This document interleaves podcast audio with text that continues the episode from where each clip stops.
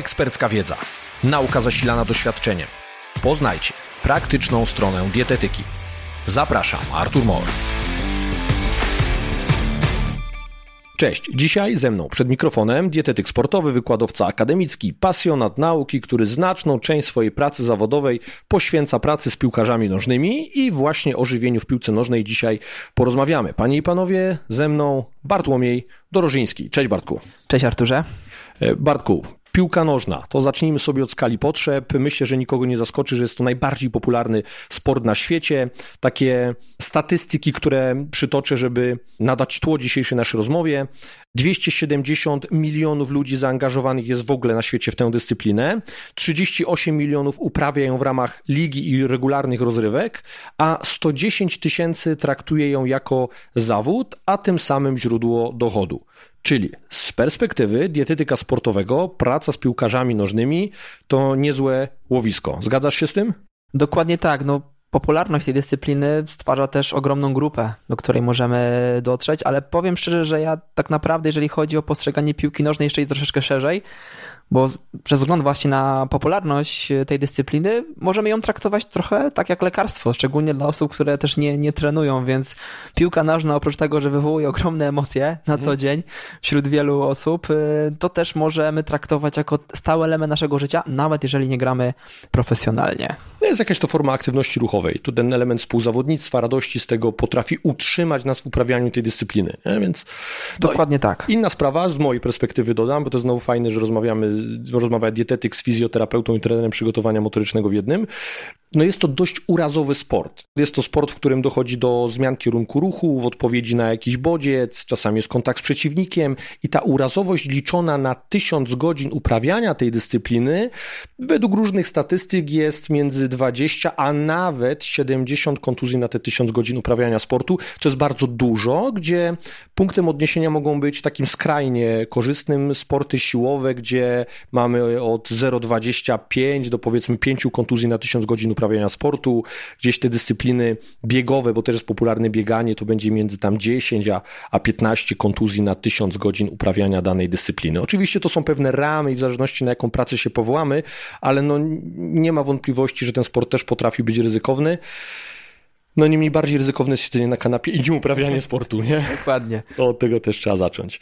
Ale tak właśnie jak wspomniałeś, jakby sama charakterystyka dyscyplina jest wręcz powiem niesprzyjająca tym zawodnikom, chociażby w kontekście regeneracji, więc y, to naprawdę jest sport bardzo wymagający. Ja wiem jaka jest powszechna opinia, od tego nie uciekniemy, ja nie będę tutaj nikogo rozgrzeszał, nikogo piętnował, jakby każdy zawodnik ma swoje sumienie i swój etos pracy, więc tutaj jakby to nie o to w tym chodzi, natomiast sama specyfika tej dyscypliny no jest naprawdę dla mięśni no, skrajnie nie, niesprzyjająca, szczególnie właśnie, że mamy maksymalną prędkość e, roz, e, rozpędza się do maksymalnej prędkości e, zawodnik, nagle musi wyhamować praktycznie do zera, zrobić tak zwrot, jest. kontakt z przeciwnikiem, więc nawet w kontekście regeneracji to będzie dla nas wyzwanie, aby właśnie te mięśnie odpowiednio zaopatrzyć, więc formułowanie jakichkolwiek zaleceń żywieniowych, czy konstruowanie na przykład jadłospisu w oderwaniu od znajomości, nie, nie, możemy jakby odejść od znajomości, musimy znać tą dyscyplinę, tak? To jest jakby elementarz, bo dzięki temu, że ja wiem, że to na przykład regeneracja jest utrudniona i później uzupełnienie glikogenu mięśniowego po wysiłku, po treningu, po meczu jest utrudnione u piłkarzy nożnych, to dla mnie też to jest jasny sygnał, w którym kierunku powinienem pójść, jeżeli chodzi o zapotrzebowanie na poszczególne makroskładniki i, i na energię. No dobra, no to teraz jak już tak e, właściwie sam zacząłeś mówić o tych zaleceniach, o tych rekomendacjach żywieniowych, no to powiedz mi, jaki jest kor tych e, zaleceń, tych rekomendacji, takie najważniejsze przykazania.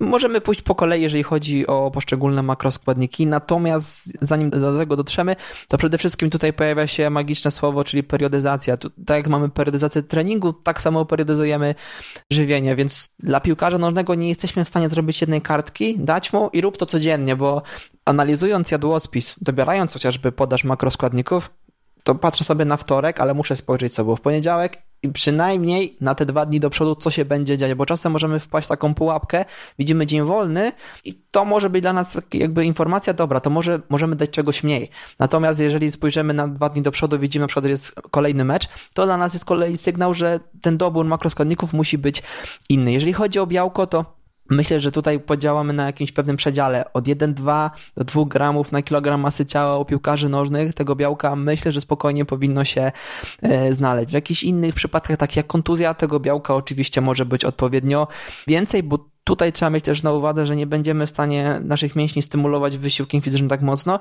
ale samo spożycie białka, odpowiedni timing, rozłożenie i tak dalej może stymulować syntezę białek mięśniowych, co będzie w tym wypadku ważne, więc ta większa ilość wtedy tego białka może być jak najbardziej ok, ale na co dzień od 1,2 do 2, do 2 gramów na kilogram jest zupełności wystarczające i nie musimy przekraczać tej wartości, bo oni tego nie wykorzystają też, nie? Więc y, wiadomo, zmęczenie po treningu, uszkodzenie mięśni, jak najbardziej tak, ale ale te 2 gramy myślę, że to jest taka górna granica. Idąc kolejno do węglowodanów, no to już jest większa zabawa. E, zresztą przy węglowodanach zawsze jest ta rozpiętość. Myślę, że jeżeli uśrednimy te wszystkie wartości do 5 do 8 gramów na kilogram masy ciała węglowodanów, tak średnio będziemy wykorzystywać ten przedział. Jakbym miał to rozszerzyć, pewnie 3 do 10 jeszcze, ale naprawdę powiedzmy takim totalnie wolnym, gdzie... To, to jest duży rozstrzał, nie? 3 do 10 to jest... Yy... Ogromny. No. Ogromny, ogromny rozstrzał. Też stanowi pewną trudność, tak? Szczególnie dla osób, które gdzieś tam są na początkowym etapie etapie jakby swojej, e, czy to kariery zawodowej jako zawodnik, czy też jako ktoś, kto jakby przygotuje takie diety, no bo tak naprawdę którą wartość wybrać, tak? Więc to wszystko jest jakby od siebie zależne, no i nie można powiedzieć, że zawsze będzie tak i tak, no bo mhm. te potrzeby też są różne. Jeden trening, dwa treningi, też rodzaj treningu będzie nam determinować to, ile tych węglowodanów będziemy jeść, ale z całą stanowczością na obecny stan wiedzy mogę powiedzieć, że węglowodany to najlepsi przyjaciele piłkarzy i piłkarek nożnych. Jakby od tego nie, nie odejdziemy. Na ten moment nie wydaje się, żeby żaden inny model żywienia miał jakąkolwiek przewagę, a nawet może być w pewnych przypadkach szkodliwy. Nie? No, tu musimy pamiętać, że jest to wysiłek o specyfice tlenowej z domieszką tego treningu intensywnego, tych zrywów, tych interwałów. No i to daje też pewien wymóg w zaopatrzeniu tego węglowodanami. Nie? Po prostu nie jesteśmy efektywnie w stanie realizować tych akcji zrywowych, tych interwałów, tego zwiększonego tempa gry, intensywności, jeżeli będziemy w deficycie e, węglowodanowym, nie? Dokładnie. Czyli te 3 gramy węglowodanów, jak tak powiedziałeś, mówię, spoko, ale to bardzo mało. Bardzo to jest mało. bardzo mało, Taki... nie? Dzień bez treningu totalnie nic nie robimy i w przestrzeni kolejnych dni też za bardzo ta intensywność nie jest za duża. Wtedy możemy sobie pozwolić na taki dzień bardzo niską podażą węglowodanów, ale właśnie tak jak wspomniałeś, że te akcenty na wysiłek tlenowy i beztlenowy, tu jakby ten podział jest wyraźny i mimo tego, że powiedzmy, nie wiem, 80% to jednak jest to te działania tlenowe, to jednak najbardziej nas interesuje te 20%, a to bez odpowiedniego żywienia może nie być e, po prostu możliwe do, do realizacji. Dlatego zawodnik, który trenuje piłkę piłkę nożną, potrzebuje specjalnej diety dla danej dyscypliny. Nie wystarczy jakby tylko taka szeroko rozumiana zdrowa dieta. Mhm to jest super punkt wyjścia, ale to może nie wystarczyć, nie? Szczególnie u młodych zawodników, którzy trenują, a dodatkowo jeszcze się rozwijają jako ludzie. O, o tym jakby nie możemy e, zapomnieć, że oni są w tej fazie rozwojowej, gdzie te potrzeby i tak już są zwiększone, plus do tego dochodzi trening, no i jeszcze wieńcząc jakby tutaj te, tą rozprawkę na temat y, makroskładników, pozostaje nam tłuszcz. On oczywiście musi być, natomiast on zazwyczaj stanowi dopełnienie tej puli energii, która nam pozostanie i największym wyzwaniem pozostaje nam później jakby umiejscowienie tego tłuszczu w trakcie dnia. Wiadomo, że około treningowo staramy się gdzieś go mniej dawać, szczególnie gdzieś bezpośrednio przed treningiem, czy też w trakcie, żeby te problemy żołądkowe, litowe się nie pojawiły w trakcie wysiłku. Nawet po już możemy sobie pozwolić na troszeczkę więcej, natomiast trzeba mieć to na, na uwadze. W przypadku y, jednego treningu w trakcie dnia to nie jest wyzwanie, w przypadku dwóch już musimy kombinować, jak ten tłuszcz rozłożyć, żeby było optymalnie dla naszego zawodnika. Okej, okay. to są takie ogólne założenia żywieniowe co do żywienia takiego tygodniowego, powiedzmy, nie? Natomiast jak to wygląda w kwestii meczu, czyli ten dzień rozgrywek, dzień współzawodnictwa, czy są jakieś rekomendacje co do interwencji, które wartałoby wdrożyć przed takim meczem, w trakcie takiego meczu i po takim meczu, ażeby z jednej strony mm, dać sobie najwyższy możliwy performance, tą wydajność, a z drugiej strony wspomóc te procesy regeneracyjne już od pierwszej minuty po treningu. Jasne, oczywiście. Po, po meczu. Jak najbardziej e, mamy różnego rodzaju protokoły, czy to przygotowywane przez e, europejskie czy światowe organizacje, jakby związane z piłką nożną. Natomiast trzeba zacząć od podstaw, czyli tego przygotowania w trakcie tygodnia. Nie? Jeżeli my w trakcie tygodnia olejemy sobie ten aspekt związany z dietą i chcemy na dzień przed czy na wieczór przed coś zrobić, Zamieniamy pizzę na, na makaron, nie? To jest trochę już za późno, nie? To już jest troszeczkę mimo wszystko za późno, żeby cokolwiek, e, cokolwiek zrobić. Więc dla nas priorytetem jest to, aby ustalić pewną rutynę, bo nasz organizm jednak to lubi. Też tak mentalnie jest nam łatwiej podejść do meczu w momencie, gdy mamy swoją rutynę i wiemy, co się wydarzy po kolei. Także zjem to, będzie tak i tak, będę mieć energię, nic nie będzie mi zalegać, nie będzie jakichś problemów żołądkowo-jelitowych. Mhm. Więc to, na czym nam zależy, to przede wszystkim dostarczenie odpowiedniej ilości energii przed meczem i uniknięcie problemów żołądkowo-elitowych. To jest jakby dla nas taki kluczowy aspekt. No i oczywiście też nawodnienie. Z tym jest ogromny problem. Taka jest triada problemów, jeżeli chodzi o piłkarzy, czyli niedostateczna podaż energii w trakcie dnia. Za tym idzie też niedostateczna podaż węglowodanów i nieodpowiednie też y, nawodnienie. I znowu to jest rzecz, której nie odrobiłem w trakcie treningu czy meczu. Jak już przystąpisz nieodpowiednio nawodniony, no to tylko będziesz to pogłębiać. Mm, jakbyśmy sobie porównali publikacje, to w zasadzie my walczymy o to, żeby minimalizować tę utratę płynu w trakcie meczu, tak, bo nie jesteśmy w stanie w zasadzie jeden do jednego tego pokryć e, w większości przypadków.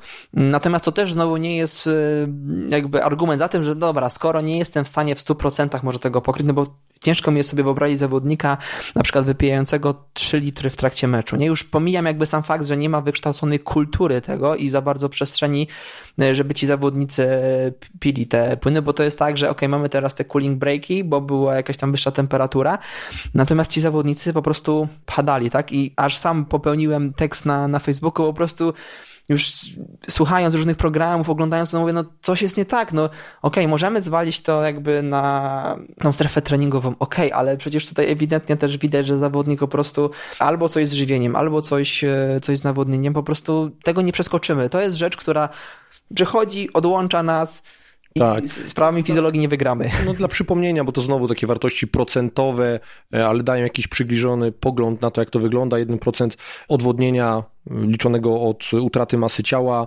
to około 10% gorszy performance, tam 2-3% to jest mnożone razy 2 albo nawet i 3, te, te wartości powyżej 3% już zagrażają zdrowiu, nie? To też o tym trzeba pamiętać, mm, a potrafią sportowcy to zrobić, nie? Potrafią to zrobić jak najbardziej i potrafią nawet przystąpić już z takim odwodnieniem do meczu i potem jest zdziwienie, czemu ktoś nie jest w stanie zagrać co 3 dni. No pewnie w dłuższej perspektywie grając miesiąc czy dwa co 3 dni to jest bardzo wymagające i wyczerpujące. No pewnie nie jesteśmy tego w stanie zrobić na optymalnym poziomie, ale nie dociera do mnie to, że ktoś co tydzień gra, mhm. i że. Ten sam błąd popełnia. Dokładnie, że po prostu fizycznie nie jest w stanie tego pokonać. A jestem przekonany, że dzięki diecie 20-30% z miejsca jesteśmy w stanie podnieść jakby performance zawodnika mhm. od razu i nie mówię tylko dlatego, bo nie wiem, czytałem o tym, ale doświadczyłem to A na sobie, B na swoich e, zawodnikach, bo też jakby trenując kiedyś i kiedy to było już jest 13, mhm. 12 lat temu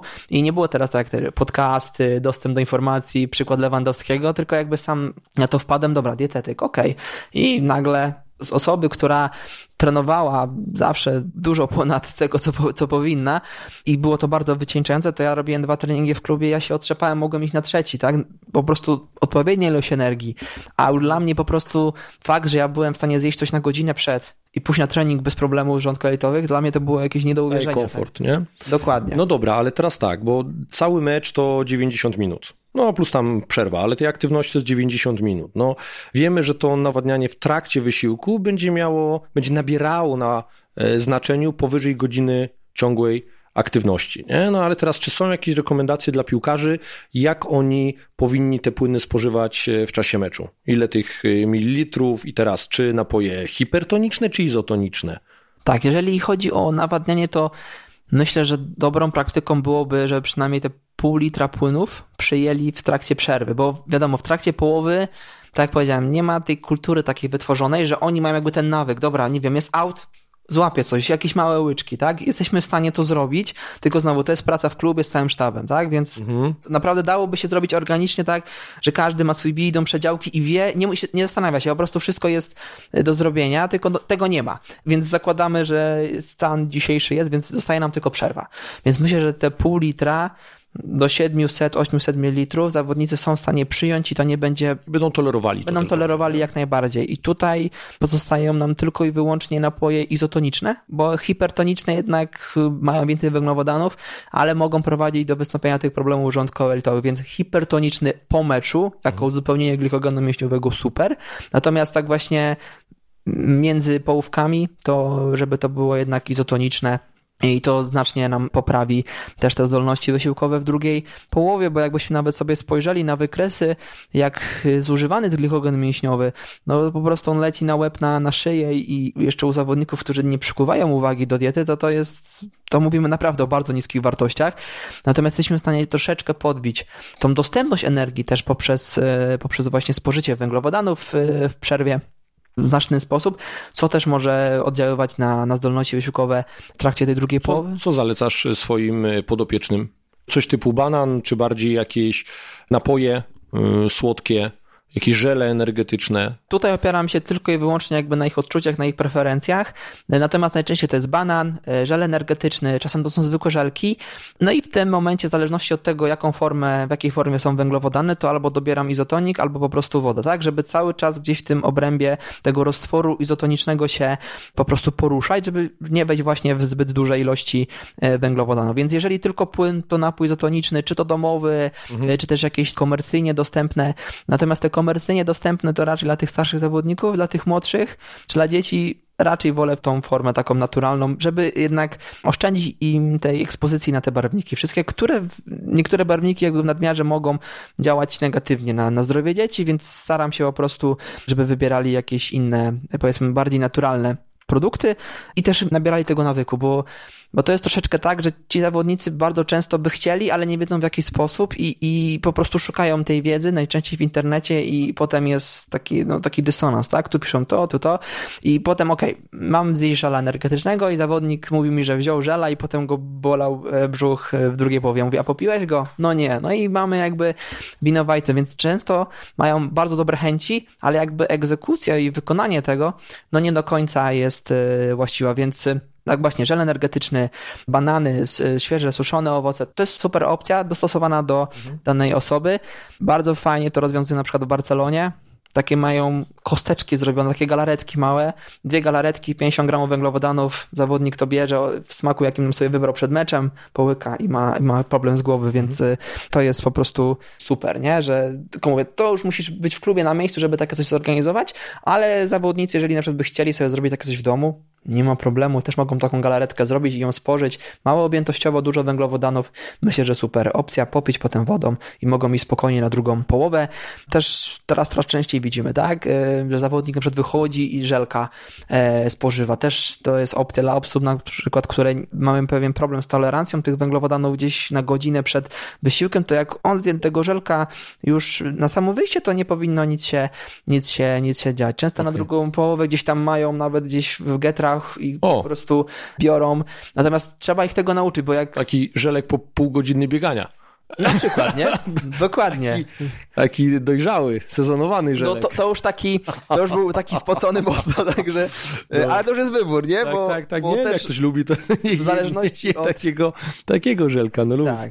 A powiedz mi, jak to jest z tymi interwencjami po meczu i na ile one mają znaczenie, no bo mówiłeś o glikogenie, nie? No my wiemy, że teraz tak, jak mamy dostatecznie dużo czasu i wrócimy do tych ogólnych, dobrych nawyków żywieniowych, to ten glikogen nam się pięknie odbuduje, nie? To jakby nie, nie ma tutaj wątpliwości, nie? Problem pojawia się wtedy, kiedy mamy mieć w krótkim czasie kolejny również intensywny wysiłek. Wtedy musimy się skupić, żeby ta odbudowa gliko, tych zapasów glikogenu była przez nas jakoś wspomagana żywieniem. Nie? No i teraz, jakie ty strategie w praktyce stosujesz w dwóch przypadkach, kiedy masz możliwość kolejnego dnia przerwy zawodnicy mają, bo na przykład mecz był w sobotę, w niedzielę nie grają, w poniedziałek wracają do treningu, a czy jest, czy wpływa to na zastosowaną strategię względem sytuacji, gdzie mecz jest w niedzielę, no i w poniedziałek jest znowu trening?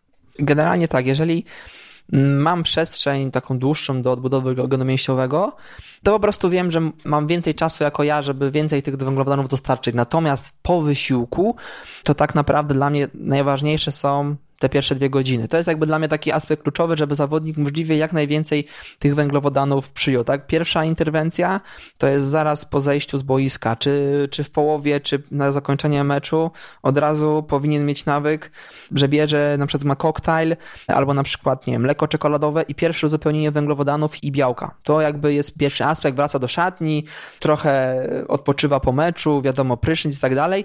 Jakaś przekąska, powiedzmy do godziny, kolejna przekąska jakaś, jakaś mała, to nie musi być coś dużego, ale kolejna porcja węglowodanów już, już jest dostarczona i na przykład do dwóch godzin już taki standardowy posiłek. I jeżeli zawodnik chociaż spełni to, to ja już mam dużo spokojniejszą głowę, odnośnie jego regeneracji, niż jakbym go puścił w samopas. I nie ma problemu, żeby ten zawodnik po meczu poszedł na tego mitycznego kebaba. I naprawdę ja nie widzę w tym problemu, bo stygmatyzowanie tego przynosi więcej złych rzeczy niż, niż korzyści. Fajnie jest zrobić piłkarzowi zdjęcie na kebabie i napisać, że nie jest profesjonalny, ale nikt nie wie o tym, przykład, że 6 godzin wcześniej on się trzymał planu i poszedł sobie na tego kebaba. Wiem, że nie mam problemu z utrzymaniem tkanki tłuszczowej. Niech on sobie na, na niego idzie, a jestem przekonany, że większość i tak wybierze rozsądniej po takiej edukacji, tak? Bo przecież zawodnik może wybrać każdą restaurację. No nie musi być ten kebab, może być cokolwiek tak innego. Ale jak my go uświadomimy, co wybrać, w jakich ilościach, on sam poczuje po pewnym czasie, co mu służy i że może nie warto niweczyć wszystkiego poprzez po prostu pakowanie w siebie tego śmieciowego jedzenia. Więc jeżeli zawodnik będzie odpowiednio wyedukowany, to ja uważam, że z czasem on sam zrezygnuje z pewnych złych e, nawyków. My jakby nie możemy robić im rewolucji, bo rewolucja to jest od razu blok. To, to, tak to nie ma opcji. To musi być ewolucja, jakaś mała zmiana. Jak przychodzi do gabinetu ktoś, kto kompletnie jakby no nie ma nic, ani żadnych nawyków, Plan znaczy ma, tylko że do kitu. Do kitu, dokładnie. Plan żywieniowy po prostu opiera się na McDonaldzie.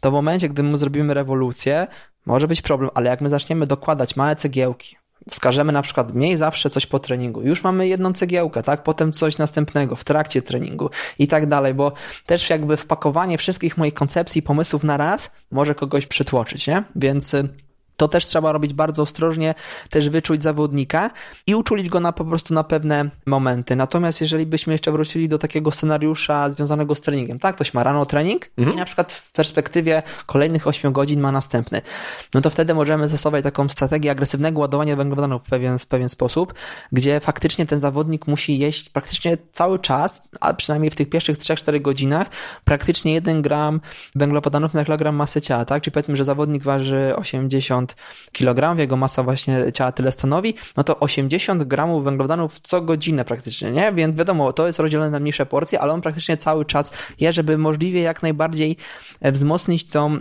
tą resyntezę glikogenu mięśniowego powysiłkową. Jeżeli mamy w perspektywie ten trening, jeżeli znowu zawodnik pójdzie na trening rano, tam zje tą drożdżówkę i potem nic, no to on po prostu jest totalnym flakiem na drugim treningu i on może mieć najlepsze umiejętności, najlepsze chęci, i potem wchodzi ta mityczna wątroba, nie, że trzeba dać z wątroby. Jakby my to rozumiemy, bo wiemy z czego to wynika, ale to właśnie o to chodzi, żeby ta wątroba, jeżeli ma wejść w ten jakby... To, to powiedzmy jeszcze osobom niewtajemniczonym, nie? Zapasy glikogenu są również w wątrobie. Dokładnie, tak? Dokładnie. To, to dlatego mówimy, że musi jeszcze dokładnie. z wątroby Dokładnie. Dać. to może być użyte, ale niech to będzie naprawdę w jakichś skrajnych wypadkach, ale ja bym sobie życzył i wszystkim bym życzył, żeby w piłce nożnej tego nie musiało być, po prostu. Są tak. metody, są narzędzia i w ogóle dieta piłkarska Alaska dla mnie to jest świetna dieta. Sportowiec ma tą przewagę, że może jeść praktycznie wszystko, tylko musi wiedzieć co, kiedy i jak. Mhm. Do, do, tego potrzebuje jakby e, edukacji. specjalisty. Dokładnie. Dobra, ja widzę jeszcze taki problem w piłce nożnej, który w pewien sposób powinien, i na pewno tak się dzieje w praktyce dietetyków, różnicuje off-season do in-seasonu. Czyli gdybym ja miał to powiedzieć z perspektywy trenera przygotowania motorycznego, czy fizjoterapeuty, co ja obserwuję w sportach drużynowych, podobnych do piłki nożnej, ale nie tylko, ale w ogóle drużynowych, gdzie nagle jest dużo biegania w drużynie, jakieś rozgrywki, to widzę, że ci zawodnicy, jak się zaczyna in-season, oni zaczynają wielokrotnie, niedobrze zaopiekowani przez dietetyka, tracić masę ciała. I bardzo często tracić masę ciała z tej tkanki najbardziej pożądanej, czyli z tkanki mięśniowej. I to obserwuję. I teraz jak to wygląda z Twoich obserwacji, jak to wygląda z y, literatury naukowej i co można z tym zrobić?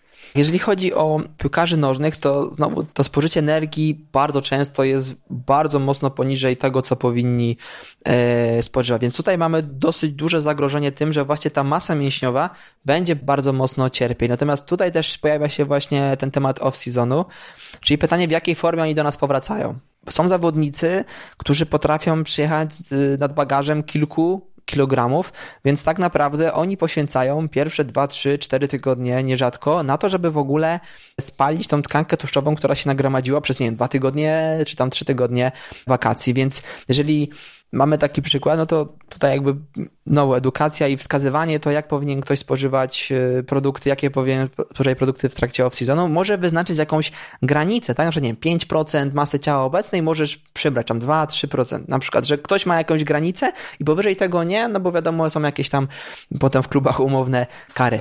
Natomiast ten problem, o którym ty wspomniałeś, czyli ta utrata masy ciała, to jest największe zagrożenie właśnie u tych młodych, perspektywicznych, utalentowanych zawodników, którzy wchodzą do piłki seniorskiej. I oni zderzają się no, często z murem wymagań tych fizycznych i oni jakby zamiast iść w tą stronę właśnie, żeby tą masę ciała zdobywać, oni ją będą jeszcze tracić, bo chociażby intensywność treningów jest większa, objętość treningowa jest większa, więc tutaj naprawdę trzeba poświęcić wiele uwagi i też tych zawodników kontrolować. Tu też nie chodzi o to, żeby wpaść w taką obsesję pomiarów codziennych masy ciała, że my codziennie musimy ten pomiar robić. Szukać trendów. Dokładnie, ale szukać trendów i też patrzeć, z czego ta utrata masy ciała może wynikać, bo często się zdarza tak, że zawodnik przychodzi w jeden dzień ma, nie wiem, 88, drugi ma 90. No, no. W tym dniu na przykład mu się nie chciało pić, zapomniał o tym, Właśnie. a w tym się yy, nawodnił. Też nie? jakby standardy związane z testowaniem, pomiarami powtarzalnie w tych samych okolicznościach, o tej samej godzinie, w ten sam dzień tygodnia, przy podobnym rozkładzie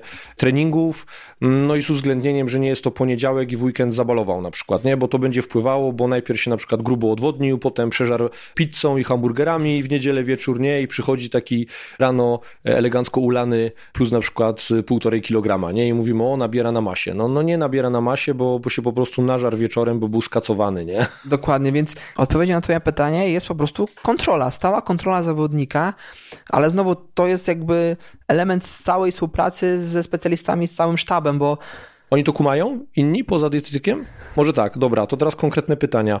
Czy najbardziej zainteresowani piłkarze z uwzględnieniem poziomu doświadczenia, zaawansowania rozumieją tą potrzebę?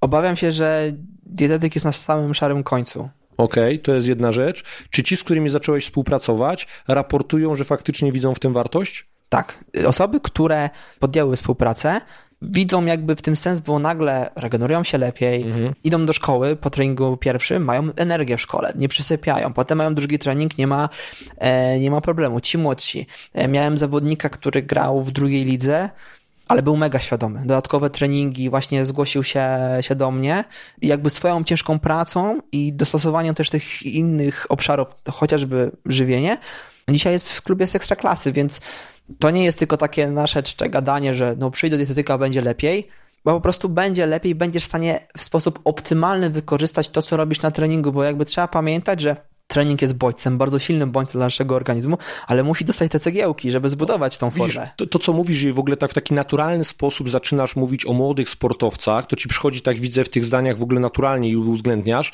Jest to dla mnie w pełni zrozumiałe i zasadne. My w przygotowaniu motorycznym mówimy o czymś, co się nazywa long term athlete development, czyli takim długofalowym budowaniu atlety sportowca. I to się zaczyna od tych najmłodszych lat.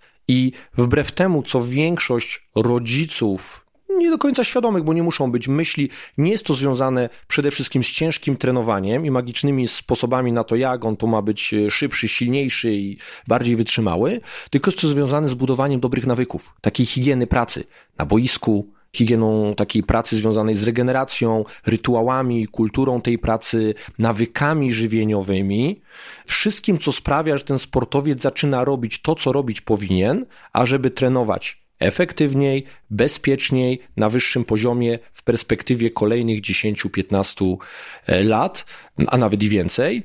I o tym zapominamy, że tą ważną składową tego long term athlete development jest właśnie edukacja żywieniowa.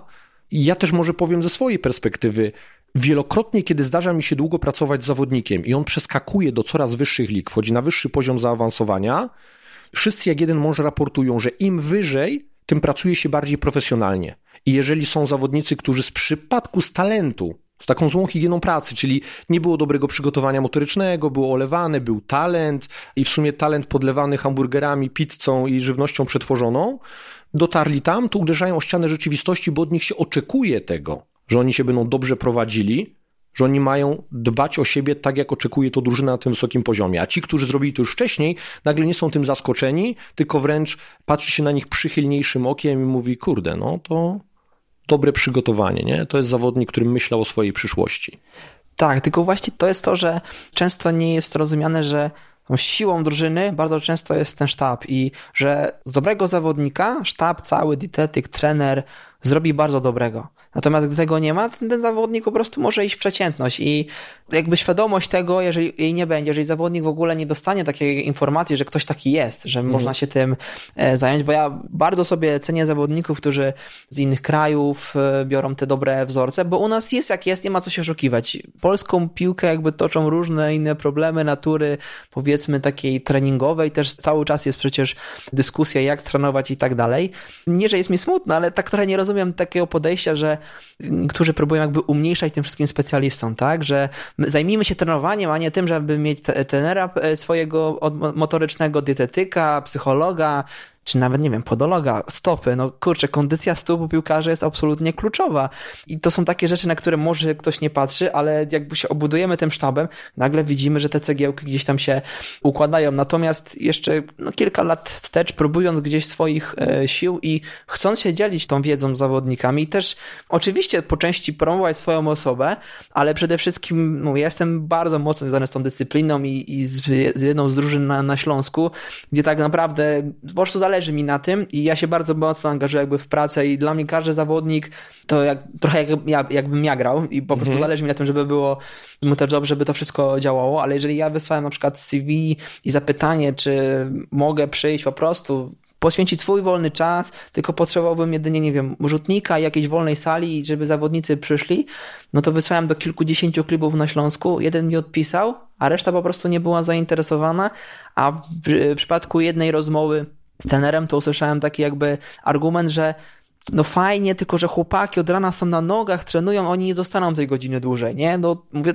dobra, no jakby to jest wasz, e, wasz wybór i, i w sumie mało jest takich trenerów, e, bo też mam jakby współpracę z Akademią na przykład Rozwoju Katowice, gdzie właśnie z trenerem Pawłem e, Kwiatkowskim tam staramy się wdrażać pewne, przede wszystkim tą edukację, ale to jest trener, który jest świadomy tego że to jest potrzebne, że to jest na plus dla całej akademii, że to też wzmacnia wartość jakby, bo teraz akademii jest mnóstwo.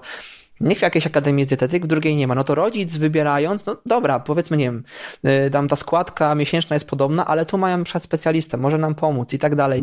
Więc to jest mega ważne, więc jeżeli jakby my tej świadomości nie zwiększymy ogólnie, tak globalnie, to jakby to nie pójdzie do przodu, bo fajnie jest jakby czerpać wzorce z zachodu, typu, nie wiem, idę z yerba mate, jakby nie ma nic złego w piciu yerba mate, super, to jest w ogóle celebracja tego, nie no, piękne to jest, tylko czemu za tym nie idzie coś, coś więcej, czemu nie weźmiemy tych innych wzorców żywieniowych, Często też kluby działają po omacku, mają jakieś współpracę z, z firmami od suplementów i są suplementy, które warto zastosować, a których też nie warto i czasem po prostu gdzieś to idzie znowu w próżnię, jakieś tam środki, które można by... Spalany budżet Dokładnie. drużyny, a teraz jeżeli drużyny są na niższym poziomie, to bardziej boli, nie? Na wyższym mniej boli, ale jest czymś, co odwraca uwagę od rzeczy ważnych.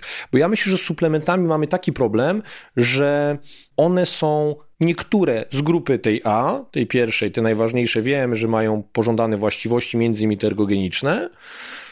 ale te suplementy z tych grup B, C i tak dalej, a właściwie te niektóre, które w żadnej grupie nie są, tylko są różnymi trendy wymysłami, one nie działają, a pochłaniają czas i atencję, bo spotykam się wielokrotnie, że pytania nawet do trenera przygotowania motorycznego czy do fizjoterapeuty zawsze jest takie, jakie suplementy ma brać na to, nie? żeby być silniejszym, szybszym, mocniejsze stawy mieć i tak dalej. Nie? To jest rzecz, o której nawet widzisz, pytanie do tej pory rozmawiamy pół godziny nie padło, bo zostałem sobie tam na koniec, bo tam jest miejsce suplementów. Na samym końcu jak się ogarnie te podstawy i wszyscy o tym mówią, a cały czas sportowcy szukają magicznych suplementów, nie? I to daje takie poczucie, że robię coś, nie? Bo biorę ten suplement, to znaczy, tak. że coś tam idę w tym kierunku profesjonalizacji tego wszystkiego, natomiast plan treningowy, po to dostosowany plan żywieniowy i dopiero potem, jak ja wiem, że ktoś na 100% ma dietę ułożoną i czerpie z niej korzyści, wtedy dopiero mogę zastanawiać się nad suplementem, bo on ma wzbogacić to wszystko, a nie być uzupełnieniem braków na przykład żywieniowych. To, to czekaj, to teraz odpowiedzmy na to pytanie, na które może niektórzy czekają. No to które te suplementy brać, Bartku? Kreatyna, beta-alanina, co tam jeszcze dorzucasz? Ja myślę, że tutaj nie ma żadnych magicznych dla piłkarzy. Kreatyna standardowa, beta-alanina, możemy rozważyć sok z buraka, dla tych starszych kofeinę, żeby trochę pewnie się też y, pobudzić. Ewentualnie sok z cierpkiej wiśni też, to gdzieś tutaj jest na, na to. Poddomsy, nie? Tak, dokładnie. Ale znowu też musimy mieć to na uwadze, że te mm, suplementy, które mają działanie o takim charakterze przeciwzapalnym, to nie stosujemy ich na przykład, albo przynajmniej nie chcielibyśmy ich za bardzo stosować w tym okresie przygotowawczym, gdzie na przykład ten stan zapalny jest naturalną jakby odpowiedzią organizmu i naszym celem jest wykształcenie danej cechy motorycznej, a niekonieczne zwalczanie tego... Ograniczenie potencjału rozwojowego, nie? Dokładnie. Tego do adaptacji do bodźca. To jest Bo... trochę jak z ekspozycją na niskie temperatury, nie? Wiemy, że ona pod kątem rozwoju chociażby masy mięśniowej będzie niekorzystna i tutaj wszystkie te modulatory stanu zapalnego będą niekorzystne. Więc y, to też trzeba rozgraniczyć, nie? że w trakcie sezonu to jest naszym priorytetem, to żeby zawodnik był gotowy na przyszły mecz. On już za bardzo nie rozwija żadnych cech motorycznych, nie? więc w tym momencie staramy się jak najbardziej zmniejszyć te bolesności mięśniowe, przyspieszyć tą regenerację i mm, oczywiście to są takie suplementy, które gdzieś mają wspomagać nasz performance, oczywiście wszelkiego rodzaju też takie powiedzmy bardziej medyczne, kwasy tłuszczowe omega-3, jeżeli ktoś na przykład nie spożywa ryb, żeby gdzieś się tam uzupełniać, witamina D, teraz raz zacznie się już w zasadzie, można by ją zacząć suplementować, czy też e, żywność przeznaczona dla sportowców, tak? Jakby nie należy się tego bać, nie należy się tego obawiać, bo ja wiem, że szczególnie rodzice mają dużą obawę przed No właśnie, tym. czekaj, ja takie, takie fundamentalne pytanie. Młody piłkarz, czy on powinien na przykład suplementować białko, od jakiego wieku, czy to ma sens, te suplementy, czyli trochę odpowiedź dla rodziców. Czy należy się tego bać, czy nie, a ewentualnie jakie mamy poparcie w literaturze, od kiedy możemy stosować te suplementy?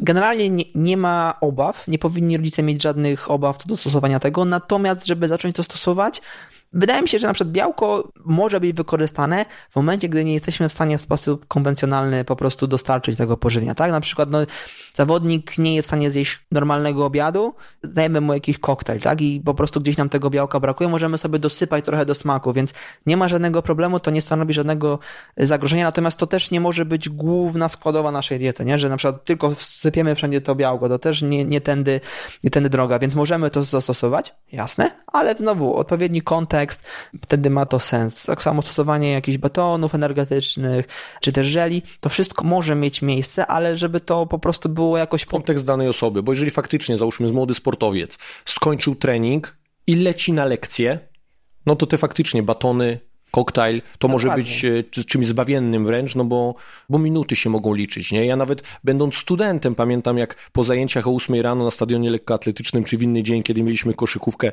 pędziliśmy na, e, na zajęcia z anatomii i dosłownie tam mieliśmy ledwo się wyrabialiśmy, żeby przebiec między budynkami, bo AWF jeszcze wtedy miał tak, że tak, tak, tak. E, lataliśmy między Mikołowską, Raciborską i sta, stadionem, nie? ten katowicki, więc y, no logistycznie to było po prostu wyzwanie nie? i wtedy się jadło to, co było szybkie do zjedzenia.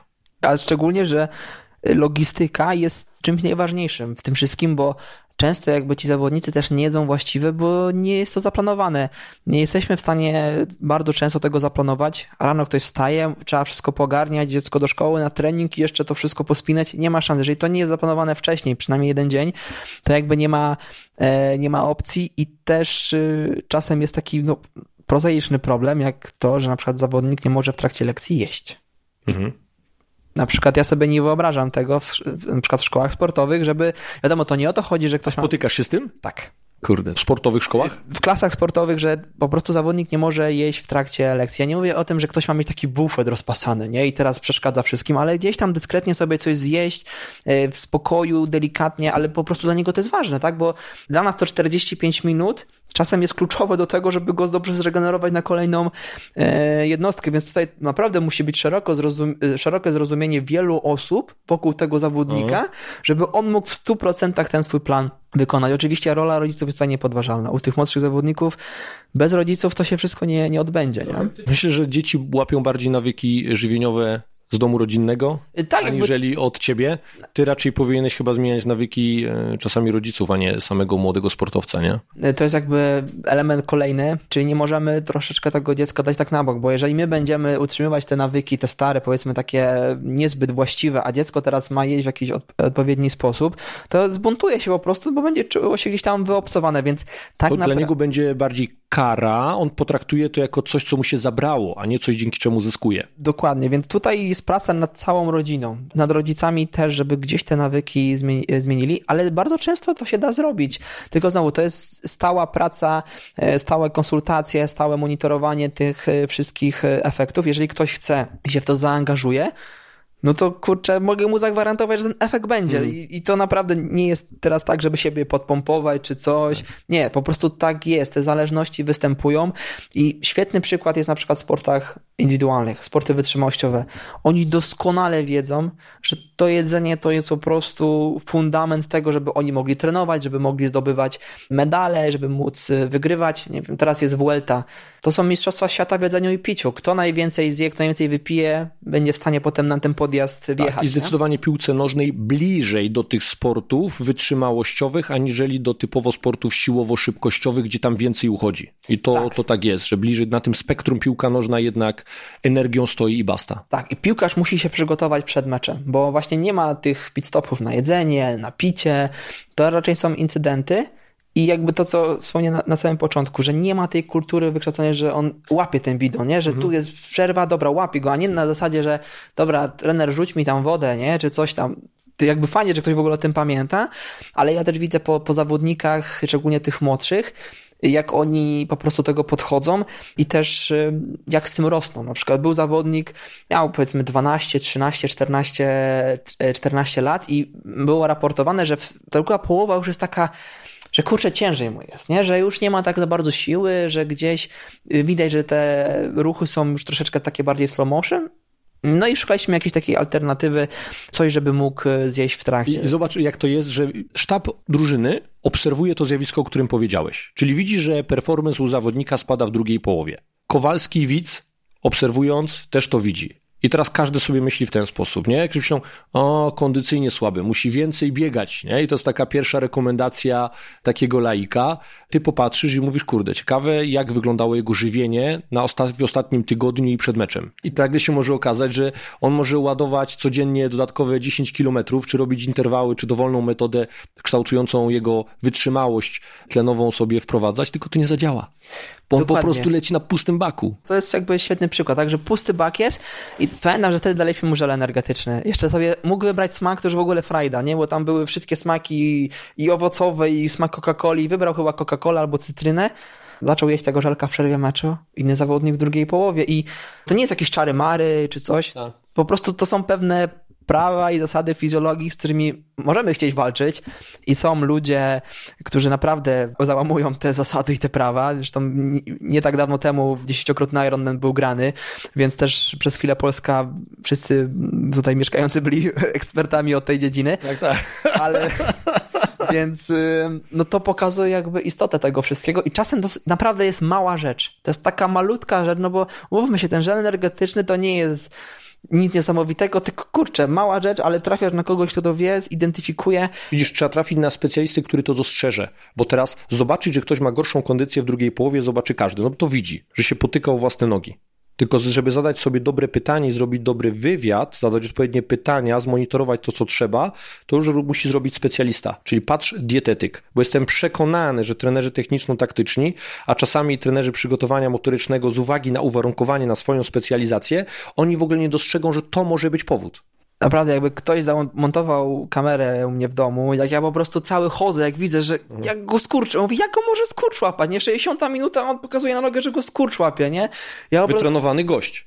Nie? Bo to nie jest, to nie jest gość, który teraz pierwszy raz zrobił duży wysiłek i nagle padł na ziemię, bo go po prostu podcinało z perspektywy każdego układu. Nie, nie to jest wytrenowany gość, którego łapią skurcze. Tak, a jak on ma, powiedzmy, zaczyna z pełnym bakiem, jest mecz, już powiedzmy mamy może połowę baku, to byłoby super, on potem tego nie uzupełnia, potem jest kolejny mecz, on znowu zjeżdża niżej i w końcu dochodzi do momentu, gdzie nie ma opcji. Potem nagle jest zdziwienie, że zawodnik po tygodniu przerwy nagle biega, nie? No bo jak na przykład obciążenia treningowe miał mniejsze, zaczął nawet je tak samo, więc ten glikogen jakoś mimochodem się uzupełnił, nagle ma energię, no ale potem znowu powtarzamy ten sam e, schemat, nie? I to też nie jest tak, że zawodnik przychodzi do dietetyka i coś mu się narzuca, w sensie, że musisz jeść w taki określony sposób, bo zawsze jest wywiad, określone preferencje żywieniowe, ktoś czegoś nie lubi, coś lubi, więc to wszystko jest dostosowane, tak? Do tego, co ktoś potrzebuje i właśnie w kontekście budowania tych nawyków żywieniowych szczególnie u młodych sportowców. Przyszedł do mnie zawodnik, który jadł codziennie, nie wiem, batonika albo dwa. Mhm. Konstruując mu dietę, wiedziałem, że nie mogę mu tego odciąć, bo po prostu będzie podjadać. A nie chciałem tego, bo wolę mieć kontrolę nad tym, co on je, więc gdzieś te batoniki były. I co się okazuje po miesiącu e, współpracy, czy tam po dwóch, on już ich nie potrzebuje. Nagle ma różnorodność smaków w diecie i on sam już podskórnie woli sobie wypić jakiś koktajl, woli wypić z owocami niż te, tego batonika, więc y, no jest ogromne pole do tego, żeby po prostu rozwijać mhm. tą strefę edukacyjną, tylko ten dietetyk musi być na miejscu, on musi dostać jakieś narzędzia, minimum zaufania i po prostu rosnąć, czy to akademia, czy to mhm. pierwsza, e, pierwsza drużyna, no, znaczy najlepiej zacząć od pierwszej drużyny, bo oni potem są przykładem, oni świecą, nie? I on, tak oni chodzą na stołówkę, najlepszy zawodnik y, drużyny, tam, nie wiem, jeszcze to jakoś to podpromować, najlepszy zawodnik... To jest jak, y, wiesz, to jest y, banan bułka, nie małysza. To nie, nieważne, co pokaże gwiazda na światowym poziomie, czy to w, trochę przyśmiewczo w reklamie, czy, czy jakiś rytuał pokaże i nagle wszyscy będą to robili. To jest jak u Rokiego, nie? Picie surowych jajek, pamiętasz, nie? Tak. Nie ma problemu. To, że tam albuminia potrzebuje obróbki termicznej, pff, nie szkodzi, nie? Powiem szczerze, że nawet ostatnio gdzieś mi wpadło w ręce motto w zakładkach do przeczytania, właśnie sprawdzali, czy Roki miał rację. Nie doczytałem się jeszcze, ale dokładnie sprawdzali jakby ten schemat jedzenia tych surowych, surowych jajek. Nie, nie? gorsza wchłanialność. Także, gorsza wchłanialność, tak, tak, tak, ale właśnie oni, to jest jakby piękno nauki, nie? Że sprawdzamy, tak, sprawdzamy, tak, karty na stół, nie? I okazało się, że no, Roki nie miał racji. Ale był najlepszy, bo to też trzeba pamiętać, że to, to nie jest tak, że jak popełnia się błędy żywieniowe, to zabiera mistrzostwo, bo czasami znajdziemy wiele przykładów, że jest dokładnie na odwrót. Ale to nie jest y, dowód w dyskusji, że dietetyka sportowa nie ma znaczenia, ona ma cholerne znaczenie, a to, że komuś się udało bez niej osiągnąć najwyższe możliwe trofea, super, natomiast y, na pewno nie osiągnął swojego maksymalnego potencjału ja zawsze to powtarzam, że zawsze warto zamienić złotówki na euro, nie? Jeżeli chodzi o kontrakt, bo trochę tak to należy postrzegać u profesjonalistów, nie? Możesz zarabiać w ekstraklasie X, ale jeżeli się przełożysz w pewnych kwestiach, to możesz zamienić po prostu, mieć tą samą kwotę, tylko że w innej walucie, co na pewno cię będzie satysfakcjo, satysfakcjonować, tak? Więc naprawdę jest ogromne pole, przestrzeń do tego, żeby zmieniać mentalność zawodników, ale po pierwsze, pierwsza drużyna musi być wzorem i to pokazywać. Dwa, ci zawodnicy muszą z tym rosnąć, żeby mieć tego świadomość, jakie to jest ważne i żeby na przykład w wieku 16, tam nie wiem, 14, 15, 16 lat sami, żeby poczuli tę potrzebę, wiesz co, muszę iść do dietetyka, muszę się tutaj skonsultować, muszę mieć jakiś konkretny plan, więc naprawdę jest dużo do zrobienia. Mhm. Natomiast często nawet zawodnicy z najwyższej, najwyższej rangi, ja to pamiętam do dzisiaj, oglądam jakiś tam filmik właśnie do prezentacji Polski i był, był taki fragment, że jeden z zawodników nie może spożywać kofeiny. Super, nie? Jakby nie ma problemu. Wyszło ci badania, że nie możesz yy, spożywać kofeiny. Szkoda, że mówię to pijąc herbatę, nie? I, I to jest w sumie nawiązanie do tego, co było w poprzednim podcaście z Marcinem, że mówię, kurczę, no, no to pokazuje jakby fajnie, zrobili jakieś badania za ileś tam tysięcy, to pokazuje, że komuś zależy, tylko potem interpretacja tego to jest druga sprawa i naprawdę ja tą anegdotkę opowiadam gdzie się da, bo dla mnie to jest taki naoczny przykład, że można bardzo dobrze chcieć, ale niekoniecznie wybrać odpowiednie, mhm. e, odpowiednie narzędzia do tego, tak, nie? Więc y, powiedzmy sobie szczerze, piłkarze na tym personalnym poziomie mają nieograniczone środki. Warto z tego o... korzystać. Więc myślę, że to jest jakiś tam promil, ułamek tego, co y, po prostu gdzieś tam zarabiają. Od, zarabiają. Więc myślę, że to jest bardzo fajna opcja, bo to przedłuża e, kariery. To raz, przede wszystkim też chroni przed kontuzjami, bo to nie jest tylko tak, że żywienie wpływa tylko i wyłącznie na to, że jesteś w stanie więcej biegać, ale chroni cię przed kontuzjami, czy chociażby przed infekcjami. Po co tracić to jest w ogóle niesamowite, że, że ludzie rozgraniczają interwencje, które mają, w, i w treningu nawet, rozgraniczają interwencje te, które mają zapobiegać kontuzją, od tych, które mają poprawić im wydajność, nie? Nie, to są te same interwencje. Sen będzie ci pomagał się regenerować, że możesz przystąpić do kolejnej sesji efektywniej, szybciej, poprawi twój performance, ale również zmniejszy ryzyko urazu. Z żywieniem jest to samo. Z ćwiczeniami, które ordynuje trener przygotowania motorycznego, dokładnie to samo. Wszystkie interwencje, które poprawiają performance, jednocześnie zmniejszają ryzyko kontuzji. I o tym trzeba pamiętać. Tu nie ma diety na mniej kontuzji i diety na lepszy czas w sprincie. Dokładnie tak, szczególnie, że jesteśmy przy kontuzji, to też tam dietetyk ma swoje miejsce. Nie może tak wspomagać pracę fizjoterapeutów, lekarzy, może przygotować zawodnika do operacji, czy wspomagać właśnie mm, te wszystkie procesy po operacji, więc tak jak właśnie wspomniałem na samym początku, ilość białka czy timing e, może pobudzać właśnie tą syntezę białek mięśniowych i to jest taki no, nowy mały, mały elemencik, tak. ale który może sprawić, że wrócisz, nie wiem, miesiąc wcześniej albo wrócisz w tym samym czasie, Słuchaj, jak miałeś, na, ale Na takim silniejszy. poziomie nawet tydzień wcześniej odgrywa kolosalne znaczenie, nie? Na takim najwyższym, najwyższym topowym poziomie. Żeby jeszcze doprecyzować takie interwencje, czym one się różnią w off-seasonie i in-seasonie. To, co sobie mówiliśmy, to głównie opierało się o in-season. Teraz e, pomyślmy sobie o off-seasonie, czyli moje takie pierwsze pytanie. Czy to jest nadmiarowy obowiązek, czy to żywienie tam też się liczy? Czy jakie są Twoje doświadczenia? Czy sportowcy odpuszczają dietę, jadą na wakacje, leci all inclusive, wracają do pracy z Tobą po takim off-seasonie 5 kilo ciężsi? Czy może raczej, jak z nimi zaczynasz pracować, oni raczej tą kulturę trzymania odpowiedniego, zdrowego żywienia praktykują i wracają do ciebie e, w pełni możliwości? Jeżeli to jest zawodnik, który gdzieś już współpracuje przez jakiś czas, to wtedy raczej nie ma z tym problemu, bo on jest na tyle wydukowany, na tyle świadomy i też świadomy tego, ile waży to żywienie, że nie warto po prostu w imię, nie wiem, 10 hamburgerów które spożyje, y, nadkładać sobie kilku kilogramów, które potem musi stracić, nie? I traci czas w okresie przygotowawczym, który ma go przygotować do tego głównego y, sezonu, więc y, ci zawodnicy, którzy... Nagle mamy trening na, na zmniejszanie kontuzji, na poprawę performance'u, ale tego gościa musimy, mamy trening na odchudzanie. No tak, bo szczególnie jak on biega z takim nadmiarowym bagażem, no to znowu jest bardziej narażony na kontuzję, no i tu się koło zamyka i ja wychodzę z założenia, że zawodnik w trakcie urlopu ma wolną rękę. No, ale, ale jak... to jest tydzień, dwa. Dokładnie, ale też jakby moim obowiązkiem, moją odpowiedzialnością jest to, żeby go odpowiednio wyedukować przed tym wyjazdem. Zwróć uwagę na to, na to, na to, na to, super, i dostałeś narzędzia. Czy je wykorzystasz? Twoja sprawa. Nie możemy na ciebie aż tak bardzo mocno wpływać, bo jesteś dorosłym, dorosłym człowiekiem, ale wtedy mamy świadomość i też pokazuje nam jakby tego zawodnika, nie? No okay, zastosował się, wybierał fajne opcje, czy gdzieś stosował tego wszystkiego, czy też zawodnik, który po prostu pojechał totalnie na fast foodzie, na alkoholu i tak dalej i przyjechał troszeczkę bardziej e, zapuszczony. To też jest sygnał dla sztabu, czy nawet dla dyrektorów, dla prezesów, widzą z jakim zawodnikiem mają do czynienia, jaki jest potencjał sprzedażowy i tak dalej, na co zwrócić uwagę i wybiegam jakby nie w swojej kompetencji, ale przynajmniej tak sobie wyobrażam, że tak to może... Że tak powinien ktoś na to spojrzeć. Dokładnie, wiadomo, dietetyk nie decyduje o tym, kto przychodzi do klubu, czy kto z niego odchodzi, ale może dać jakąś bardzo małą informację, na przykład, czy ten zawodnik jest w stanie dostosować się do pewnych, pewnych ram, które narzuca klub, bo z całym szacunkiem, ale jeżeli klub płaci ci x pieniędzy, nie mało, to ma prawo wymagać od ciebie, żebyś dostosował się do takich jakby drobnych, drobnych no rzeczy. I z tak? doświadczeń własnych i nie tylko, ale również zasłyszanych mogę powiedzieć, że z tym jest różnie. Czyli z jednej strony są kluby, które mówią, będzie po naszemu, bo takie są warunki naszej współpracy, mamy pewien schemat działania, a są kluby, które traktują tych najlepszych zawodników, jak udało się ich pozyskać, jak takie święte krowy.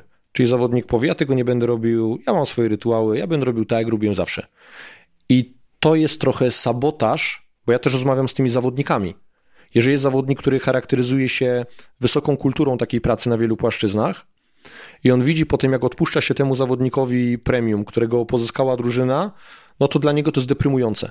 Czyli de facto pozwalając, uchylając się w kierunku tego zawodnika premium pozyskanego, tego talentu, podcinamy morale pozostałych członków drużyny i to też powinien być przedmiot przemyśleń sztabów szkoleniowych, zwłaszcza trenera techniczno-taktycznego, który ma największy wpływ.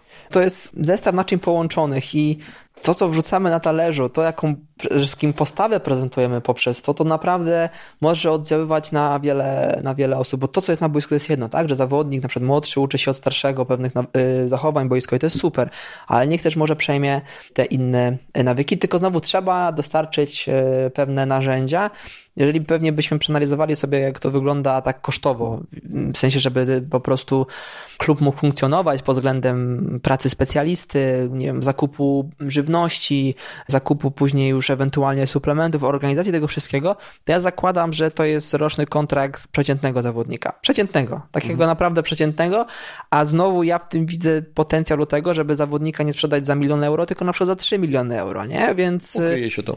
Nie mogę zagwarantować, że tak będzie, że zawsze będzie taka zależność, ale znacznie zwiększamy prawdopodobieństwo, że tak się, że tak się stanie. Przez to budujemy prestiż, markę klubu. Zawodnik też idąc za granicę, mając takie e, nawyki, no kurczę, no bierzmy od nich, bo tu przychodzą zawodnicy świadomi, wyedukowani, my nie musimy z nimi nic robić. Daliśmy im narzędzia, które są u nas od zawsze, ale oni z nich e, korzystają od razu, wręcz się od na przykład dopytują.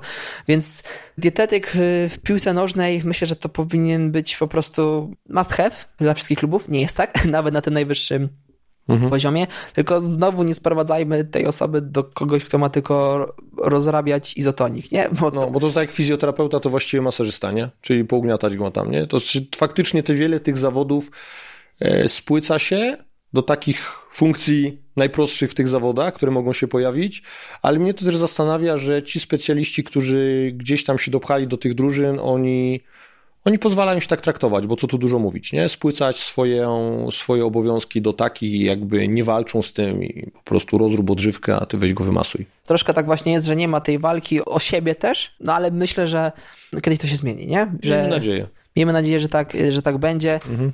Kiedyś mi będzie dane, nie wiem, dokopać się do jakiegoś klubu.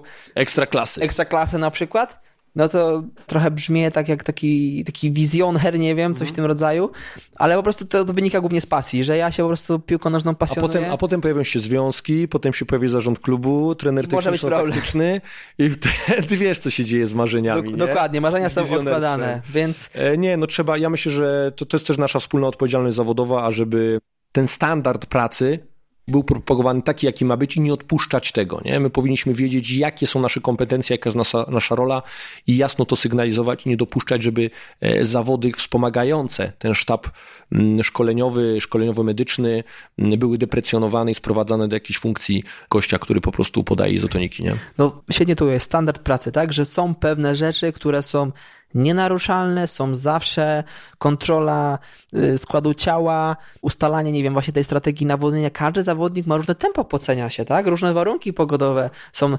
Nikt mi nie powie, że nie jest w stanie sprawdzić, jaka będzie pogoda za 2-3 dni. No, bez? No to jesteśmy w stanie sprawdzić, czy ten zawodnik będzie wypłacał pół litra czy litr, bo to już ma znaczny, znaczny wpływ na to, co my będziemy chcieli, tak? Jaka będzie jego utrata chociażby poszczególnych elementów, takich jak na przykład sód, tak? I tutaj za, też zawsze ten przykład podaje Zinedina Zidana, jak przyszedł do Realu Madryt, bardzo obficie się pocił. Znaczy, on zawsze się obficie pocił, ale po prostu po przyjściu do Realu on nie był w stanie utrzymywać tej intensywności, tego tempa w trakcie meczu. No i co, zbadali mu pot, dali mu odpowiednią formułę napoju tonicznego i co, biegał 90 minut, więc znowu to nie jest żadne czary mare, czy wymyślanie, czy jakieś pompowanie własnej osoby, tylko po prostu to są naoczne... Dietetyka sportowa to Dokładnie. jest po prostu. Bartku, Powiedzieliśmy o tym, że dietetyka sportowa wie, co robić, żeby było dobrze. Ty na podstawie literatury naukowej, na podstawie ogólno przyjętych rekomendacji planujesz swoje interwencje. I mnie interesuje plany, zalecenia versus rzeczywistość. I dlaczego tym pytam? Ja z perspektywy swojej specjalizacji wiem, że niejednokrotnie trenerzy przygotowania motorycznego i fizjoterapeuci wiedzą, jakie plany przygotowywać, co powinno być realizowane. Natomiast takie dwa parametry w literaturze compliance, adherence, czyli zgodność tej interwencji z planami, która została wykonana i zaangażowanie w realizację tej interwencji, wielokrotnie są na przerażająco niskim poziomie i odnosząc się bezpośrednio do piłki nożnej, tyczy się to również topowych klubów na najwyższym światowym poziomie UEFA. I to jest trochę przerażające, że w fizjoterapii i przygotowaniu motorycznym my wiemy, że ci zawodnicy są średnio wyedukowani i te sztaby szkoleniowe mają problem z egzekwowaniem tego wszystkiego. Jak to jest z tym w dietetyce? Jeżeli chodzi na przykład o sam plan żywieniowy, to ja wychodzę z założenia takiego, że ja mogę przygotować plan żywieniowy zgodny z najlepszą aktualną wiedzą, z moim doświadczeniem, ale jeżeli zawodnik nie jest w stanie go zrealizować, to znaczy, że to jest do kosza i że gdzieś po prostu y, moja wizja tego, jak to powinno wyglądać, po prostu rozmyła się z rzeczywistością, więc tutaj też na siebie rzucam tę odpowiedzialność, żeby zawodnik był w stanie go wykonać, żeby to było po prostu do bólu praktyczne i do bólu po prostu możliwe do zrealizowania. Jeżeli chodzi o realizację jakichś takich ogólnych zaleceń, tak? Że na przykład ktoś dostaje listę i ma jakieś tam punkty, które może wykonywać na przykład w, w klubie, tak? No i z tym na pewno jest dużo, dużo większy dużo większy problem. Y, w klubach bardzo często rozwiązuje się to w ten sposób, że zbierają zawodnicy różne punkty, że za każdą na przykład aktywność, na przykład nie wiem, ktoś spożył koktajl po treningu, jakiś tam punkt, poszedł do fizjo po treningu, punkt. Natomiast to jest na dosyć wydaje mi się też niskim poziomie, jeżeli chodzi o żywienie, bo jeżeli my tego zawodnika nie, że przemusimy, ale my nie podsuniemy tego, to jest dużo większa szansa, że on tego nie, nie, nie wykona.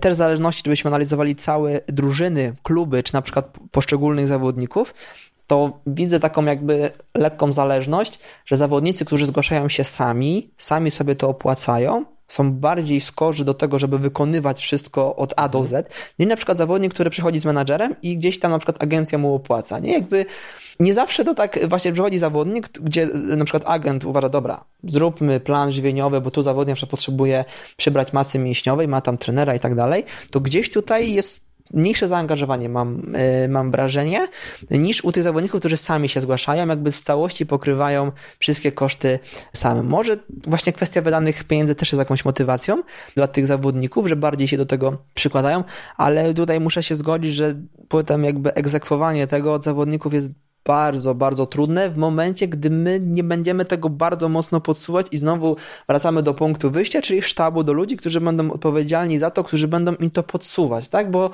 możemy obrażać się na rzeczywistość, że oni tego nie robią, i olać to, ale z drugiej strony to jest nasza odpowiedzialność też, żeby ich jak najbardziej kierować na odpowiednie tory, bo to też jest jakby miara skuteczności naszej pracy, nie? Więc jeżeli ktoś ma odpowiedzialność za to, co robi, jakby za swoją pracę, no to będzie starał się i angażował się w to, co to robi, a jedna osoba uzna, ok, zrobiłem plan, wykonałem swoją pracę.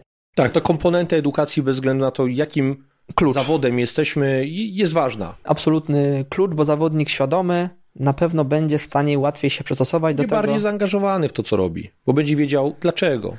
To jest jakby podstawa. Co, dlaczego, w jaki sposób ma być wykonane. Wtedy zawodnik powie, okej, okay, dobra, to ma dla mnie sens, a przyjście i takie narzucenie z góry, od dzisiaj robimy tak Masz i tak. i rób. I rób. No nie, nie zadziała. Nie, nie przejdzie, nie trzeba zadziała. poznać tego zawodnika. Nawet kwestia religii. Moglibyśmy zrobić nawet o tym osobny podcast. Yy... Tak, bo są te uwarunkowania kulturowe. Dokładnie.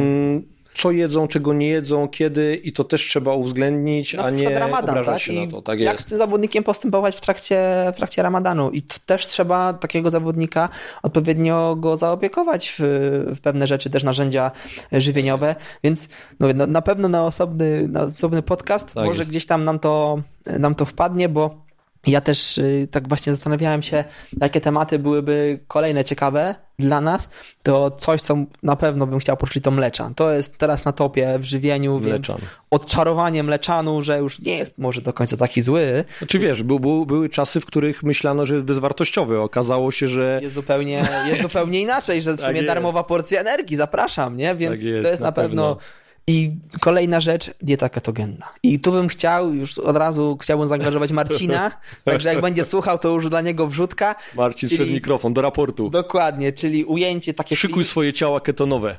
Ujęcie kliniczne i wykorzystanie diety ketogennej w sporcie. Kiedy, kiedy to ma sens, kiedy nie ma, bo to na pewno jest temat cały czas na topie, a z drugiej strony pewne osoby, które chcą to marketingowo podbić, robią krzywdę tej diecie, która może być naprawdę bardzo przydatna, tylko trzeba wiedzieć, kiedy ją zastosować. Kontekst tak? depend. Dokładnie, to kontekst jest wszystkim. Bartku, ostro poleciałeś, bardzo mi się podoba. Myślę, że że nie tylko piłkarze nożni, bez względu na poziom zaawansowania, ale właśnie te osoby dookoła nich, jeżeli przesłuchają ten podcast, czy to sztaby szkoleniowo-medyczne, czy rodzice młodych sportowców, wyciągną z tego wartość. Ja ze swojej strony zachęcam do kontaktu z projektem Praktyczna Strona Dietetyki, jeżeli ktoś związany jest z piłką nożną i nie tylko, i chciałby doświadczyć opieki profesjonalnego dietetyka sportowego, między innymi Bartłomieja Dorozińskiego, no to ja serdecznie zapraszam. Będzie wszystko na stronie internetowej dostępne dostępne, także śmiało możecie się rejestrować, zapisywać na konsultacje i pracować w profesjonalny sposób, tak jak to być powinno. Bartku, dziękuję za rozmowę i do usłyszenia w kolejnych. Również Ci bardzo dziękuję i do usłyszenia. Cześć, hej. Odsłuchałeś odcinek podcastu Praktyczna strona dietetyki.